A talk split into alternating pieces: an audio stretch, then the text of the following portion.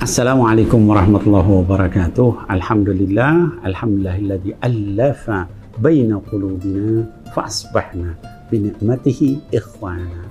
وكنا على شفا حفرة من النار فأنقذنا الله منها إن شاء الله. نشهد أن لا إله إلا الله ونشهد أن محمد رسول الله. اللهم صل على محمد وآله وصحبه أجمعين وسلم. أما بعد. Sahabat salam di mana pun berada, yang mudah-mudahan keberkahan Allah ada pada kita, keluarga kita, sahabat kita, orang yang kita cintai. Uh, bolehkah kita mengkoleksi patung, lukisan di rumah kita? Terkait dengan masalah ini dalam fikih ada beberapa pendapat. Ya, sebagaimana kebiasaan saya, saya memilih pendapat yang paling tengah-tengah ada satu kelompok yang mengharamkan secara total ya namanya lukisan ya berdasarkan dalil-dalil ya kemudian juga patung berdasarkan dalil-dalil maka diharamkan ada kelompok yang apa pun jenis patung lukisan bebas saja pokoknya ya nah saya selalu berada di tengah-tengah ya terkait dengan masalah ini para ulama yang bersikap tengah-tengah terkait dengan patung dan lukisan menyampaikan yang pertama adalah lukisan-lukisan itu atau patung-patung itu boleh dikoleksi dengan syarat. Ya. Apa syaratnya? Yang pertama adalah lukisan atau patung itu bukan lukisan atau patung yang membawa kepada syirik kepada Allah.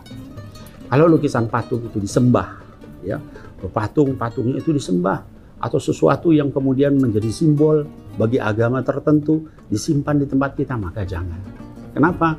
Karena kita berakidah dan akidah itu harus kita jaga. Jangan sampai akidah kita masuk dalam kesyirikan. Ya. Syirik walaupun kecil berbahaya, apalagi yang besar. Ya.